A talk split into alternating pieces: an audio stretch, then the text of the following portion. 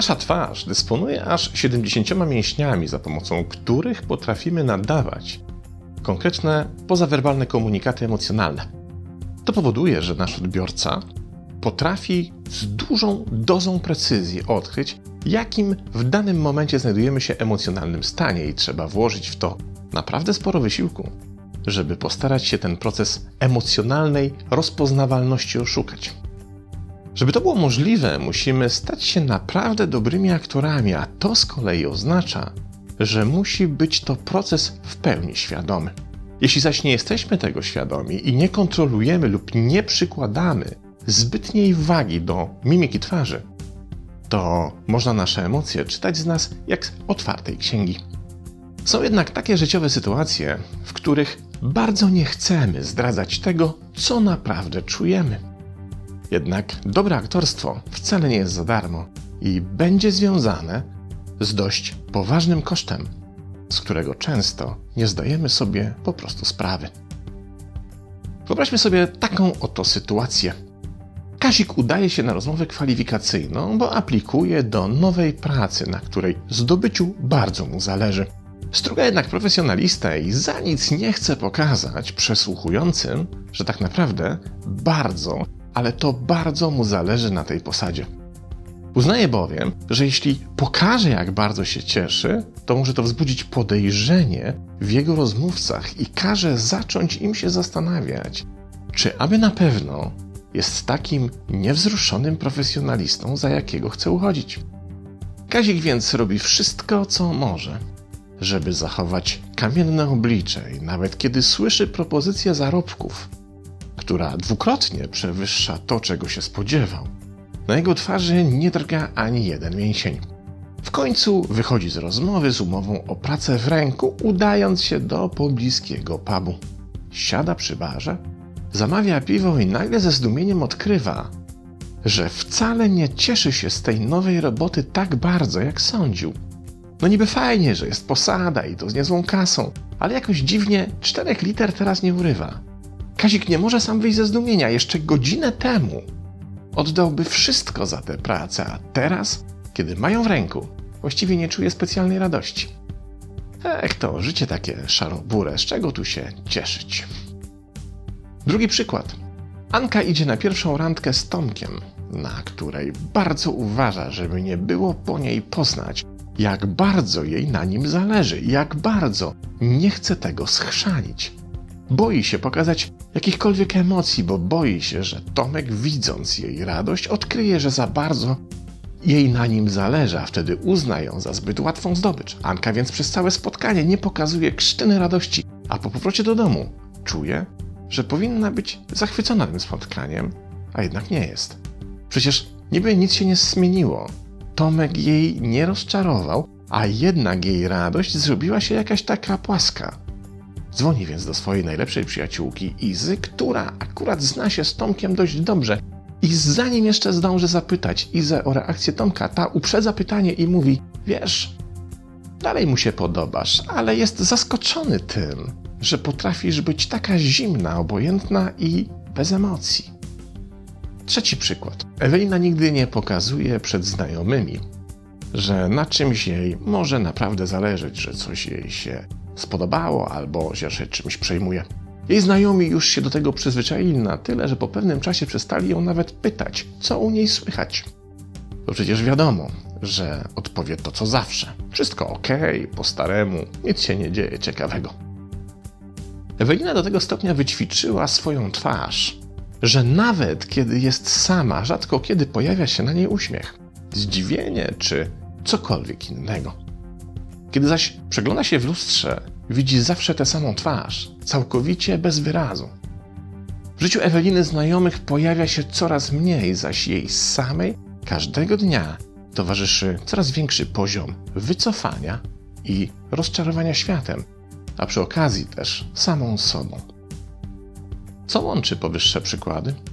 Otóż wymienieni w nich ludzie na własną prośbę stają się dokładnie tacy, jak ich twarze nie są świadomi tego, że proces ten jest następstwem dramatycznie złych wyborów, nakładania na siebie bezemocjonalnej maski, która prędzej czy później zaczyna się wymykać spod kontroli, infekując ich dokładnie tym, co przedstawia.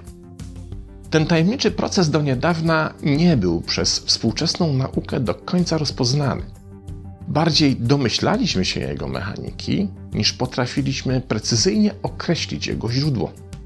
A domyślaliśmy się od dłuższego czasu, ponieważ kiedy spotykamy na swej drodze ludzi zgorzkniałych, to potrafimy tę zgorzkniałość zdiagnozować po mimice ich twarzy. Kiedy zaś poznajemy ich bliżej, okazuje się, że wiele się nie pomyliliśmy i rzeczywiście są dokładnie tacy, jak wyglądają. Problem w tym, że przez całe lata uważano, że ten proces przebiega tylko w jedną stronę. Myśleliśmy po prostu, że określone rysy twarzy i mimiczne wzorce są efektem długotrwałych systemowych ekspozycji emocjonalnych, czyli mówiąc prościej, uważaliśmy, że na przykład długotrwałe uczucie rozgoryczenia prędzej czy później uformuje taką stałą mimikę twarzy, po której właśnie to rozgoryczenie będzie rozpoznawalne. I podobnie rzecz ma się z innymi długotrwale goszczącymi w naszym systemie emocjami. Teraz jednak, na podstawie ostatnich badań, wiemy już, że ten proces przebiega również w drugą stronę.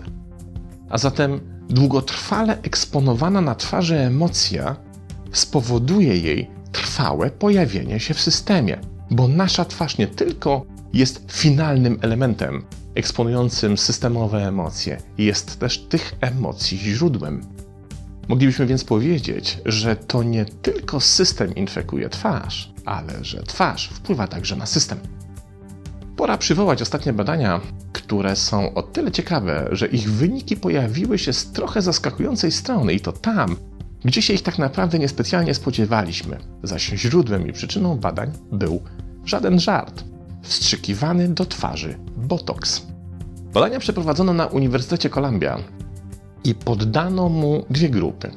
Pierwsza rekrutowała się z osób z wstrzykniętym do tkanek twarzy botoksem, zaś druga z innym preparatem wygładzającym zmarszczki, który w przeciwieństwie do botoksu nie paraliżuje mięśni twarzy. Okazało się, że w grupie botoksowej zanotowano znaczne obniżenie reakcji emocjonalnych na prezentowane klipy wideo, które miały wywołać szereg rozpoznawalnych emocji. Śmiech, gniew, oburzenie, wstyd itd. Tak Oznacza to, że tam, gdzie mięśnie twarzy nie brały udziału w procesie reaktywności sensorycznej na emocjonalne bodźce, jednocześnie zmniejszyło to reaktywność emocjonalną w systemie, czego nie zaobserwowano u pozostałych uczestników badania. Kolejne badanie wykonał międzynarodowy zespół naukowców, m.in. z Uniwersytetu Stanford, Portland oraz Wyższej Szkoły Medycznej w Hanowerze. Zaś jego wyniki ogłoszono na łamach czasopisma Aesthetic Surgery Journal w marcu 2019 roku. Badano w nim wpływ zastrzyków botoksu w obszarze glabeli, czyli tzw. Tak lwiej zmarszczki, na indukcję nastroju w przypadku sześciu podstawowych emocji: rozbawienia, strachu, zaskoczenia, smutku, wstrętu oraz złości. Najpierw przed ekranami posadzono 52 kobiety, których zadaniem było obserwowanie specjalnie przygotowanych klipów, które miały wywołać wyżej wspomniane emocje. Ta grupa kobiet była zaś obserwowana z ukrycia przez zespół 31 ekspertów, których zadaniem było ocenienie intensywności reakcji emocjonalnych na twarzach badanych. Następnie badanej grupie kobiet wstrzyknięto 25 jednostek toksyny botulinowej typu A, popularnie zwanej botoksem, w okolice właśnie glabeli, czyli części twarzy znajdującej się pomiędzy brwiami. Kolejnym krokiem było powtórzenie badania po 30 dniach, by móc porównać wynik sprzed botoksu oraz wynik obecny. Okazało się, że toksyna zmniejszyła średnią postrzegalność oraz reaktywność intensywności gniewu aż o 50%, zaś dla przykładu intensywność zaskoczenia zmalała około 20%.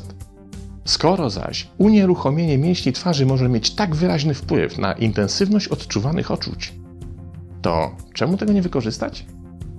Jeśli na przykład ktoś doświadcza permanentnego smutku, Wystarczyłoby zablokować mu określone mięśnie twarzy, aby zmniejszyć intensywność jego emocjonalnych doświadczeń w tym względzie. Czy to niezbyt daleko posunięte wnioskowanie? Okazuje się, że nie. Otóż takie próby podejmowano już w kontekście badań w maju 2012 roku, gdzie okazało się, że iniekcja botoksu zmarszczce brwiowej przyniosła konkretny efekt pod postacią zmniejszenia objawów depresji, a czasem nawet jej całkowitego wyleczenia. A jaki jest dla nas najważniejszy wniosek z tych przytoczonych badań?